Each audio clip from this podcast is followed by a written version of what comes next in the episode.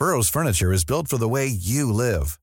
From ensuring easy assembly and disassembly to honoring highly requested new colors for their award-winning seating, they always have their customers in mind. Their modular seating is made out of durable materials to last and grow with you. And with Burrow, you always get fast, free shipping. Get up to 60% off during Burrow's Memorial Day sale at burrow.com slash ACAST. That's burrow.com slash ACAST. burrow.com slash ACAST.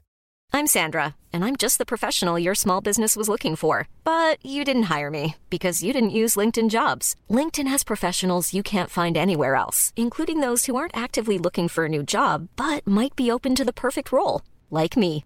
In a given month, over 70% of LinkedIn users don't visit other leading job sites. So if you're not looking on LinkedIn, you'll miss out on great candidates like Sandra. Start hiring professionals like a professional. Post your free job on linkedin.com/people slash people today. Hey, it's Ryan Reynolds, and I'm here with Keith, co-star of my upcoming film, If, only in theaters May 17th. Do you want to tell people the big news? All right, I'll do it. Sign up now and you'll get unlimited for $15 a month in six months of Paramount Plus Essential Plan on us. Mintmobile.com slash switch. Upfront payment of $45 equivalent to $15 per month. Unlimited over 40 gigabytes per month. Face lower speeds. Videos at 480p. Active Mint customers by 531.24 get six months of Paramount Plus Essential Plan. Auto renews after six months. Offer ends May 31st, 2024. Separate Paramount Plus registration required. Terms and conditions apply if rated PG.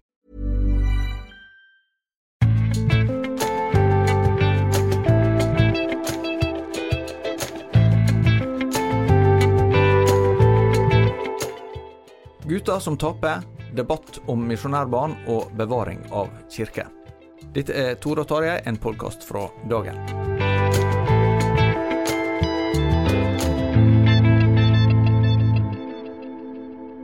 Tarjei Gilje og jeg, Tore Hjalmar Sævik, har nå fått teppe på gulvet i vårt eh, nye studio. Du må huske å legge ut et bilde, Tarjei, så folk får sett det. Ja, kanskje vi må det. Eh, men vi, vi er iallfall Og blomster kom til å faktisk. Jeg vet ikke om Ja, ekte eller falsk. jeg tror den er av plast, men eh, Ja. den er Ser- iallfall tilfører litt farge til lokalet. Eh, vi eh, har egentlig snakka om ganske mange forskjellige temaer vi vil ta opp, men eh, vi skal begynne med ett som vi ikke har nevnt i overskrifta i dag. Og Det er nemlig at eh, det kommende helg er ekstraordinær generalforsamling i Intermisjonsforbundet på en litt spesiell bakgrunn. Ja, ja det, det må jeg trygt kunne si. Det må vel være en av de mer spesielle som har vært, egentlig.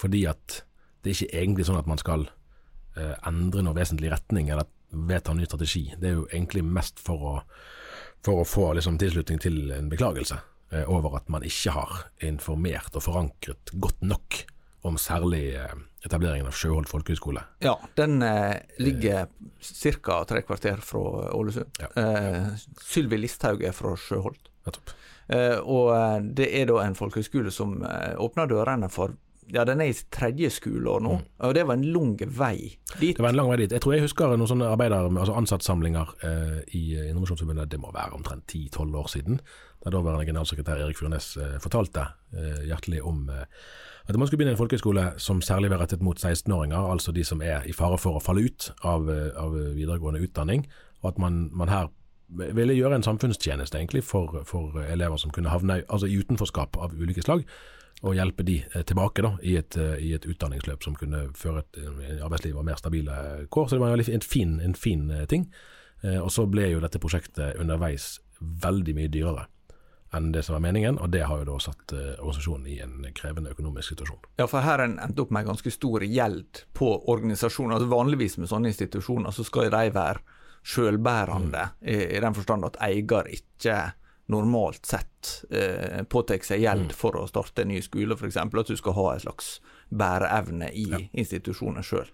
Og så er det jo, så er det jo er flere sider ved det. Sant? Og, og, og, Forbundsstyret, eller IMF-styret heter det, de eh, la seg veldig flate eh, i forkant til forrige generalforsamling og sa at hvis vi hadde visst hvor dyrt det ble, så hadde vi aldri gjort det. Eh, og det var noen prosjekteringsfeil som gjorde at man, man ikke hadde gode nok beregninger av kostnadene underveis i pandemien og forskjellige ting. Eh, så, så det er blitt en hodepine for, for mange. Det, det er veldig trist. Eh, For fremdeles er det jo en, en skole som trengs, eller i hvert fall et skoleslag som trengs eh, og, og som har en funksjon. Og skolen fungerer jo, tror jeg, bra fra dag til dag. Sånn at, eh, ja, Men den finansielle, økonomiske siden med det er vanskelig. Og så kommer det òg inn i at, at eh, altså søndagsskolesatsingen Avana, som jo er det må jo være Indremisjonsforbundets mest vellykkede altså sånn i utbredelse, import til norsk kristenhet. Det har også kostet mye penger. Eh, så i sum er det, vel, er det vel flere som, eller noen i hvert fall, som mener at man har manglet eh, økonomistyring, eh, som gjør at, at, organisasjonen er kommet i en situasjon der man Ja vel, det, det er fint med gode satsinger både her og der, men vi må ha penger til det vi driver med. Ja, For, for gjelda er ganske stor nå? Ja. er det rundt 40 millioner? Ja, jeg har ikke, jeg har ikke de tallene i hodet. Men, men, det er det som i hvert fall er bakteppet.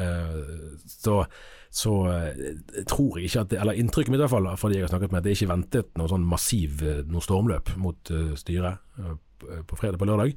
Men, eh, men, det er en ubehagelig situasjon å havne i. Men det handler jo òg om at det er en, en altså Indremisjonsforbundet eh, er jo en mindre organisasjon i utgangspunktet enn en både Nordmisjonen og Misjonssambandet, og dermed merker de fortere de samme tendensene som alle merker, med at det er færre å ta av. altså Det er færre deltakere i de ulike lokale avdelingene. Eh, og da blir jo altså det som er fellestiltak, det som er et felles ansvar, det er det færre skuldre som bærer, og da, og da blir det tyngre bør for den enkelte.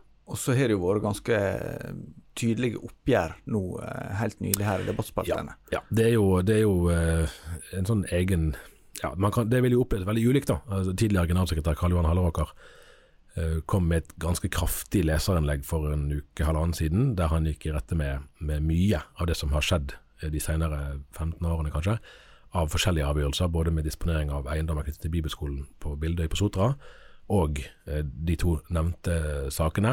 Eh, og Det er jo sånn som setter følelser i sving når en tidligere leder som, som ikke har, uh, har, vært veldig tett på den offentlige debatten i hvert fall, om Innovasjonsforbundet i tiden etter at han gikk av, her melder han seg virkelig på. Og Så var vi òg intervjuet Ingebrigt Sørfond, tidligere stortingsrepresentant for KrF, som var styreleder på den tiden der Halleraker var generalsekretær. Som egentlig sier 15 år tilbake i tid, og enda lenger med Sørfond, før ja, han var sentral. Da. Som sier mye av det samme. Uh, så dette er jo sånn som nok kan uh, irritere uh, sittende ledere ganske kraftig. og sikkert med en opplevelse av at hallo, her kommer disse her som, som, ikke har hatt skoene på på mange år, og skal begynne å mene sterkt om hva vi som sitter her og kjemper fra dag til dag gjør på. Samtidig som det kan være nyttig med sånne perspektiver utenfra fra folk som kjenner eller har kjent en organisasjon godt, og som kan, kan se noen andre perspektiver enn det som man gjerne ser akkurat i øyeblikket.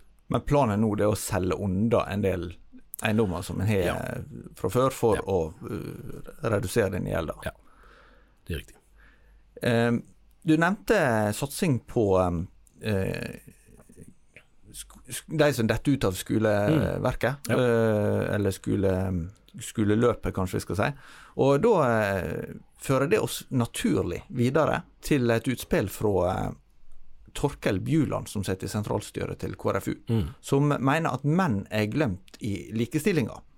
Og eh, det går jo på at uh, gutter taper på så mange felt. Mm. Uh, hvis en ser på, på utdanning, f.eks. Hvem som tar høyere utdanning, det er kvinner. Mm. og hvis en ser på lederstillinger osv., der en tidligere kanskje snakka om at det var, var mannsdominans, så er det iallfall ikke helt sånn lenger. Men du er litt sånn tvisynt med sånne utspill som dette. Det var en veldig fascinerende samtale i Politisk kvarter på NRK P2 på eh, tirsdag morgen. For da møtte Bjuland eh, AUF-leder Astrid Hoem. Eh, og hun har jo tidligere debattert med Bjuland sin bror som leder KrFU. og, hun har vanligvis ikke noe behov for å skjønnmale sitt forhold til det partiet, eller til den organisasjonen.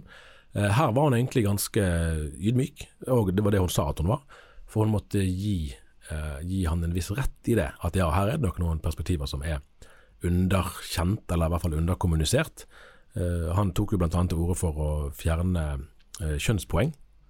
det var vel ikke direkte debattert, men at det var noen sånne konkrete forslag da, han tok til orde for, som skulle lette denne, dette gapet, denne forskjellen. Eh, seksårsreformen vil han jo også se på.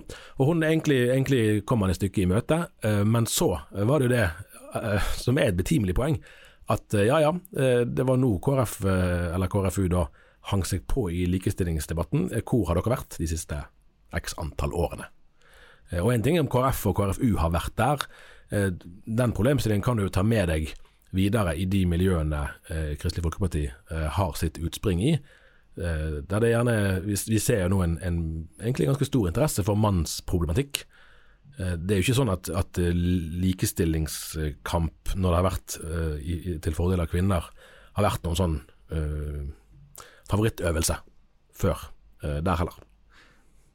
Men vi står i en situasjon eh, kulturelt, som ikke, ikke bare gjelder Norge, da, der eh, mannsrolla er veldig eh, i endring, må en vel kunne si. Ja da, og, og til dels eh, i ferd med å forsvinne. Eh, Ja, ja, det, i en forstand kan du si det. så, og regjeringen har jo Altså, det sett ned fordel, det et mannsutvalg Riktig. som skal levere sin, ja, det har jo vært flere sånne. sin sluttrapport Jens Stoltenberg, husker du Jens Stoltenberg ledet jo et sånt i, omtrent når jeg ble født. Ja, det er jo der det er sånn bilde av han. Det er sånn derfor du er blitt sånn som du er blitt.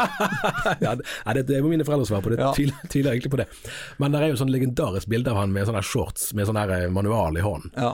Så jeg var sånn virkelig sånn moderne mann. da. Ja. 1980 et eller annet. Ja, ja da. Nei, jeg, jeg leste tilfeldigvis nå her en dag om eh, litt tallmateriale fra USA da, Mm. når det gjelder mannsrolle der borte, for, for eh, forhold til ekteskap Mm. og, og, eh, og det å bli fedre og sånne ting. At det, der er jo mange sånne tradisjonelle eh, målsettinger som har vært ganske sentrale i et liv, som færre menn enten når Mm. eller prøver å nå. Eller eh, hva, hva er hva, ikke alt så godt å si.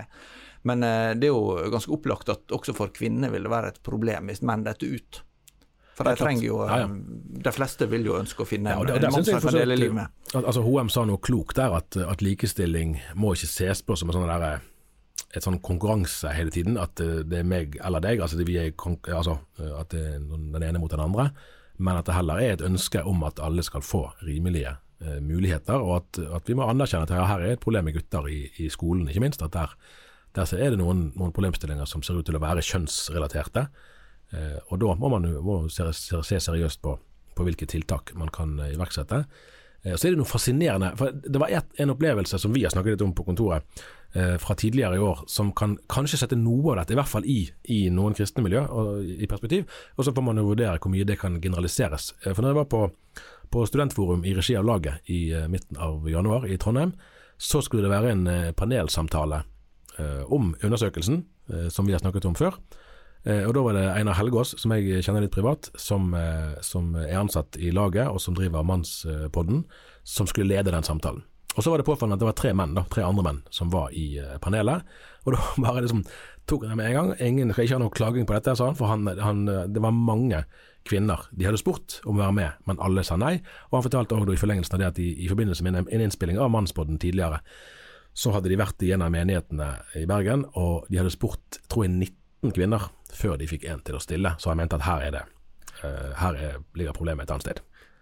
Og det er vel ikke bare i, eh, i kristne kretser at det kan være utfordrende for kvinner til å snakke i en mikrofon. Nei, altså det, det merker jo vi som journalister rett som det er. Eh, kanskje særlig, Vi hadde jo et eksempel på det i, i, eh, i forbindelse med, med foreslåtte endringer i abortloven rett før jul, at det var veldig vanskelig å få kvinnelige eh, teologer eh, i tale, mens menn var mye lettere å få i tale. Og Det er jo en, en generell sak. og Så kan man lure på om likevel, om likevel det som er en generell trend, er enda sterkere, i, i, hvert fall i en del kristne miljø.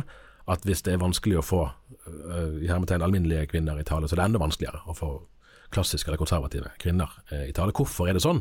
Og Det spørsmålet fortjener å bli tatt på alvor. og hvis man, og det er det som er litt poenget, da, der mener Astrid Hoem har et godt poeng, at hvis man skal snakke om disse gutteproblemene, det må man gjerne gjøre, men da må man jo òg snakke om jenteproblemene. Uh, hvorfor er det sånn? Er det noe kulturelt, noe strukturelt, er det noe uttalt eller noe uuttalt som gjør at, eh, at eh, det er så gutte- eller mannsdominert fortsatt, og at det ser ut for at terskelen for jenter og kvinner til å ta del i en offentlig samtale ser ut til å være så høy. Eh, Det òg må jo være et problem som man ønsker å adressere. Et annet problem som har vært mye adressert i våre spalter de siste månedene, og for så vidt i flere år, må jeg kunne si, det er jo misjonærbarn-tematikken. Den har fått fornya oppmerksomhet knytt til eh, en podkastserie som heter Misjonærbarna, utgitt av Gyldendal. Og um, det har jo også stimulert videre debatter som har vært her med oss. Ja, faktisk stimulert det så langt at vi er kommet i en litt uvanlig situasjon i forrige uke. ja, det kan du trygt si. Ja, det tror jeg er det underligste jeg har vært borti av alt jeg har gjort eh, i debattredaksjonen her i de siste årene. Ja, hva, hva var det egentlig som skjedde? Nei, altså for vi fikk et uh, debattinnlegg, vanlig måte, på e-post til den adressen vi pleier å bruke. Uh, fra en person som oppga å være misjonærbarn sjøl og, og, og jurist. Uh, og som da skrev om, om denne podkasten og hadde noen kritiske kommentarer til den. Eh, så jeg hadde kontakt med vedkommende på e-post i et par runder, og vedkommende forklarte litt om, eh, om omstendigheter. Eh, hva som gjorde at, at, du ikke fikk treff da, på, på, vedkommende hvis du søkte på navnet pga. jobbsituasjonen. Og det kan jo være folk som jobber i f.eks. i politiet, som har det. Sånn at de pga. saker de er borti, at de ikke ønsker å, å risikere uønsket eh, kontakt. Eh, så det var liksom plausible svar da, på de spørsmålene som, som ble stilt. Eh, vedkommende hadde et, et mellomnavn. og Det her er sånn kløktig på et vis, da, eh, om man skal si det sånn. Eh, fordi at det var et, et misjonsnavn. Som, som, og det, det, det rang en bjelle hos meg når jeg så det. Ja, okay, for, for den som kjenner ikke minst Misjonssambandet, vil jo vite det et. Ja, der, ja. Der, der, er jo en del navn som, som er kjente for de som ja. har fulgt med. Sånn vil det gjerne være. Sånn er det i Arbeiderpartiet, sånn er det i Høyre. Sånn er det, ja. Eh, så det virket, virket adekvat. Så innlegget ble publisert torsdag eh, kveld, var det vel. Eh, og så eh, ut på fredagen da, var det flere henvendelser. Hvem er, hvem er dette mennesket? For da var, jo, da var det jo da folk som kjente den aktuelle familien, altså de som har dette navnet. Kunne ikke forstå at denne personen var del i den familien. Og gjennom, gjennom helgen så var det, en, det er mange da, som har vært i sving for å undersøke. Og ut på lørdagen så, så, kom vi til at ok, her er det for mye usikkerhet, så innlegget ble da avpublisert lørdag ettermiddag i påvente av, eh, av avklaring, og den avklaringen har jo egentlig ennå ikke kommet. Nei, så for, eh, for vi veit fortsatt ikke hvem det er? Fortsatt ikke hvem det er. Uh, så, da, så, jeg står igjen med Jeg vet jo ikke om det Altså hva, hva er dette her for noe, egentlig?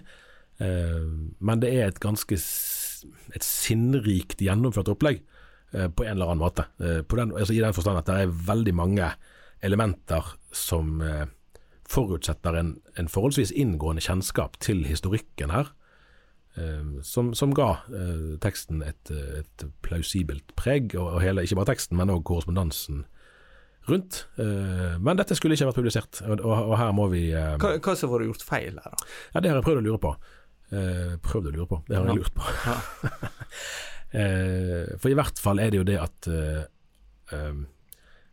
i, i følsomme saker, eller eh, der det er, blir fremmet ting som er særlig kontroversielt, så må vi nok være ekstra nøye med å sjekke altså utover selve kontakten eh, per da om det ja det er e-post i praksis, da, som regel, å ha, ha flere verifikasjonskilder utenfor. Eh, som, der vi faktisk kan være sikre på. For Det, det er en, en gang tidligere at vi, har, at vi vet om da, at vi har publisert Eh, en tekst som ikke var det den utga seg for å være. Og da var det en test, rett og slett, for å se. Og det var flere aviser som ble testet samtidig på det, om ting gikk gjennom. Eh, og det gjorde det. Og det er jo det er vanskelig å gardere seg helt mot hvis folk prøver å lure noen, så, så kan det være de klarer det.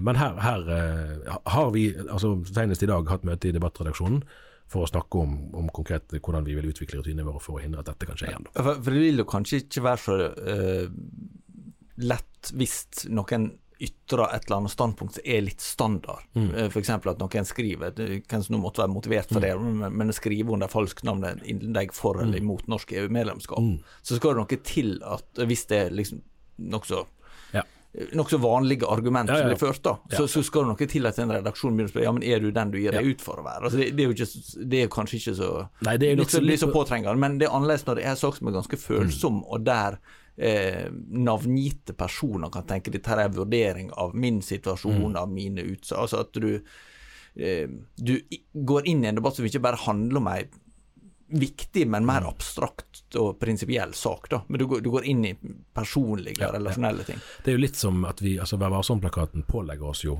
eh, å sjekke fakta, eh, og så er det jo samtidig en viss sånn rimelighetsvurdering. At det ikke er mulig for oss å være forskere og gå inn i alle detaljer i alle tekster og liksom virkelig gå til bunns i alt som påstår. Vi, vi må kunne sjekke på en måte som det er mulig for oss å gjennomføre.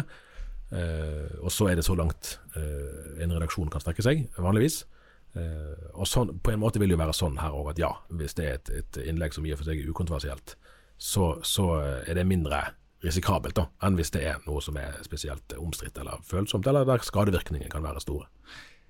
Når vi nå har sett eh, eh samtaler rundt eh, Misjonærbarna, mm. podkasten og ellers det som har rørt seg eh, med den tematikken, hva, hva opplever du at vi har lært? Og hva er det dette her forteller oss?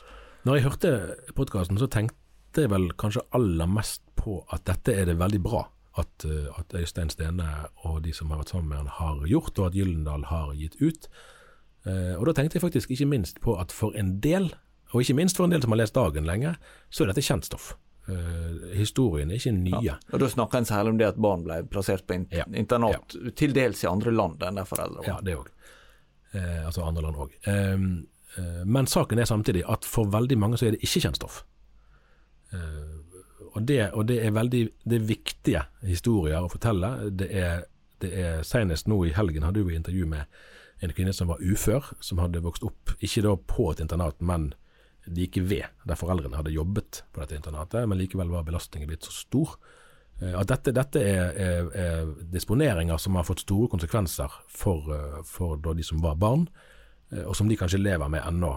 Det var sånn veldig sånn talende, et helt enkelt eksempel i podkasten der det var en kvinne som forteller at, at hun ennå har, i voksen alder, har vanskelig for å ta imot jeg tror kanskje jeg har nevnt før, for å ta imot uh, søtsaker fra foreldrene sine, fordi det var en sånn uh, metodikk, eller hva skal jeg si, at når foreldrene skulle reise fra internatskole etter et besøk, så dro de gjerne mens barna sov eller lekte eller noe, uh, for å ikke få opprivende avskjeder, og så lå de kanskje igjen søtsaker som en sånn avskjedshilsen. Men det ble jo da egentlig en, en, en negativ ting, fordi at de forbandt søtsakene med, av, med uønsket avskjed. Så det er jo fryktelig å, å, å høre sånne historier. Og så er det interessant òg å å, reflektere over f.eks. at disse skolene blir brukt av flere enn misjonsorganisasjoner. Det var kanskje òg bistandsorganisasjoner, Kirkens Nødhjelp brukte de samme, men der var det andre forhold ofte for. Altså f.eks. at det kunne være flere besøk, lengre besøk, eller på andre måter at, at det ble lagt inn ulik mengde ressurser ned i å sikre disse barna en best mulig tilværelse. Og Det er vondt på alle måter. Sant? Man kan fint være en, en varm misjonsvenn og tenke at evangeliet er hast, og at verden for Kristus er alle kristnes kall, og samtidig si at ja, men dette var ikke greit, sånn som det foregikk her. Til slutt i dag så uh, har du satt og sett på uh, en over, uh, ja, digitalt overført pressekonferanse, mm. som egentlig ikke fortalte så veldig mye nytt. For dette var jo i stor grad kjent fra før, at regjeringa vil satse 500 millioner på bevaring I året, av kirke. I året. Ja. På bevaring av kirker. Det er ganske mye penger. Men vi har jo mange kirker i landet. Ja. Eh, en sånn innledende refleksjon som vi har snakka litt om der, er at hvis du eh, er i en eh, europeisk by av en viss alder, eller der som er en, er en slags historie, da, og det har jo de, de fleste, uh, uh, så, så vil du merke at kirka står egentlig veldig sentralt. Det er veldig fascinerende. Eh, altså, vi snakket om det tidligere i dag, at hvis du står ved Operaen i Oslo og bare ser rundt deg, ja. moderne norsk hovedstad, ser du ingenting. Nei, og det var litt det som var min kontrast. Det ble litt klønete formulert. Men poenget hvis, hvis du ser på helt nye bydeler, da, f.eks., så, så, vil de ha et helt sekulært preg. Og, og, og hva, hva, er de høyeste bygningene du ser? Mm. Der er det Eh, ja, altså eh, høghusa i Bjørvika. Du ser ikke et kirketårn. Og Det er ikke noe, er ikke noe sensasjon, måte, men det, det, er jo et talende tidsbilde. Eh, så skal du heldigvis ikke så langt bak da, før du, før du ser f.eks. Oslo domkirke. Også, og dette her er jo, Det vi snakker om her er jo ikke egentlig et, altså, det vanlige, det er ikke det alminnelige kirkevedlikeholdet. Dette er jo, er jo noen kirker som, som hovedsakelig i kraft av sin alder kvalifiserer for et særlig vern bl.a. middelalderkirker, eh, som da utgjør en, en viktig kulturhistorisk. Det, det, ble påpekt i, i den eh, Det var jo ikke en pressekonferanse, det var mer enn et møte for flere involverte, men at, at dette var jo samlingspunkter i veldig mange henseende i, i, flere hundre år eh, i Norge. Så mye av vår historie har jo liksom utspilt seg i de samtalene som har funnet sted i og rundt disse byggene i hundrevis av år. Ja. Uh, og, og, det er jo bygninger som ikke bare står sentralt, men som har eh, Ikke minst i et land som Norge, der vi kanskje ikke kan skryte på oss å ha de aller mest prangende praktbygga, så er jo kirkene det som er skilt seg ut. Dagen hadde jo for uh, noen år siden en konkurranse som kanskje ikke blir huska med sånn veldig stor stolthet, nemlig kåring av Norges styggeste kirke. Ja. men det er jo ikke det en forbinder med eh, kirke, først og fremst, det er jo at det er måte, det, gjerne det flotteste bygget som er i en by. Ja, det, liksom, det har, det har Håvard Remme skrevet en del om i Dag og Tid i, i sommer. Jeg har vært rundt og sett sånn som i, Egersund. Eh, så er det en kirke som er helt sånn uproporsjonalt stor. Jeg lurer på om det er plass til 1300 mennesker. Altså, og Det var jo Kongsberg, sant? det var Norges største. Plass til 2500, eller hva det er for noe. Altså, For da var det jo stormenn på stedene ja, ja. som gjerne ville ha et sånt status. Gjerne var portretterte med maleri. Eh, ja, det. Gjerne det. Eh, men, men, det har jo òg gjort at, at det er noen veldig synlige landemerker som kirkene utgjør, eh, som har hatt en helt spesiell betydning. Og det eh, kanskje ikke minst for, eh, for, kristne som i dag ser på seg selv som eh, pietister, eller som lavkirkelige, eller som konservative, eller som frikirkelige. Så, så, er det Man skal ikke ta for lett på det der, disse lange linjene nå når vi snakker om, om tusenårsjubileet for kristenretten, og, og, du har jo skrevet om landsloven til Magnus Lagerbøte, sant? og vi, skal, vi nærmer oss 2030 og tusenårsjubileet for slaget på Tiklestad. Eh, at eh, både, både, kirkehistorien og norsk historie begynte lenge før Hans Nilsen Hauge og pinsebevegelsen? Ja, jeg tenkte på det nå. Jeg var i Ålesund i, i forrige uke. Så tok jeg buss forbi Borgund kirke, ja. som ligger ute på et nes litt inn forbi bykjernen, fra 1150.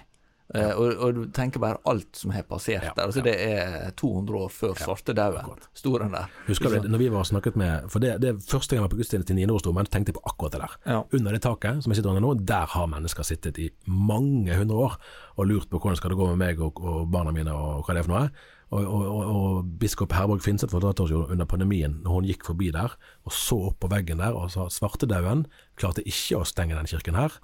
Covid-19 klarte det. Det er et voldsomt perspektiv over det der. Ja, og jeg, jeg tenkte også på det på, på, Manhattan så ligger det ei kirke som er fra, fra 1700-tallet, som ligger helt klemt. Hvis ja. du går opp uh, Wall Street, da, mm. uh, så ligger den på andre sida av Broadway. der, Helt klemt inn mellom bygningene. Men den er stått der siden seint på 1700-tallet. Ja. Og der uh, ligger en av de amerikanske grunnlovsfedrene mm. gravlagt ut forbi. Og, og, så det er litt sånn Du forstår at det kan bygges mye i glass og stål som ser veldig prangende mm. ut, men det som står der i 100 år etter 100 år, det har ei egen kraft ved seg. Og så er jo ikke det i seg sjøl eh, noe sånn eh, Det må jo fylles med et fellesskap. Kirkelivet er ikke arkeologi, eller, eller eh. Kirkelivet ikke, Det var godt sagt. Kirkelivet er ikke arkeologi. For det er jo sant. Man ser det samtidig òg, og det er en sånn perspektiv som jeg kanskje tror det er nyttig å minne om for en del av de nevnte kategoriene, sant? lavkirkelig, frikirkelig, at at uh, Du kan jo kanskje si at kirkeliv er òg arkeologi, eller i hvert fall er det òg estetikk, og det er òg altså, fysikk i form av, av bygningsmateriale. Sånn hvis du ikke har disse fysiske møteplassene, som i seg sjøl ikke er hovedsaken, men hvis du tar de vekk, så er det veldig mye av det livet som har vært der, som da ikke har en arena. Eh, sånn det er et stort, stort tap. Eh, både om man mister det nå, men òg om det ikke hadde vært der. Så det er jo virkelig tunge og gode grunner, og vi skal være veldig glad for at dette, at dette blir satset på, og, og, at det skal tas vare på. Eh, så det er jo da inntil 10 milliarder. Dette er jo Opplysningsvesenets fond, det gamle, altså oppsparte, oppsparte, midler, som man skal bruke til, eh, altså til årlig vedlikehold, men så skal det òg settes av på et fond som i prinsippet Preses sa det så greit nå at det ikke er vi som kan bestemme hva som er evigvarende, og det er jo sant, men, men, tanken er jo at det skal, skal være et fond som kan bestå lenger enn de årene disse pengene varer. Det var det vi rakk. Men vi kommer tilbake i neste uke. Helt riktig. Vi har allerede planer. Det er riktig. ha det bra så lenge.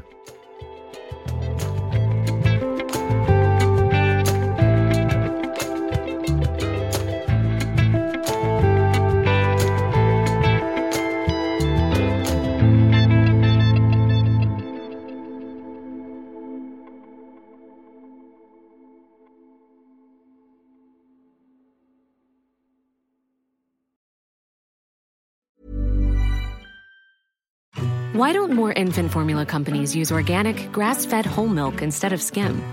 Why don't more infant formula companies use the latest breast milk science? Why don't more infant formula companies run their own clinical trials? Why don't more infant formula companies use more of the proteins found in breast milk? Why don't more infant formula companies have their own factories instead of outsourcing their manufacturing? We wondered the same thing. So we made ByHeart, a better formula for formula. Learn more at byheart.com. Even when we're on a budget, we still deserve nice things. Quince is a place to scoop up stunning high end goods for 50 to 80% less than similar brands. They have buttery soft cashmere sweaters starting at $50, luxurious Italian leather bags, and so much more. Plus, Quince only works with factories that use safe, ethical, and responsible manufacturing. Get the high-end goods you'll love without the high price tag with Quince. Go to quince.com slash style for free shipping and 365-day returns.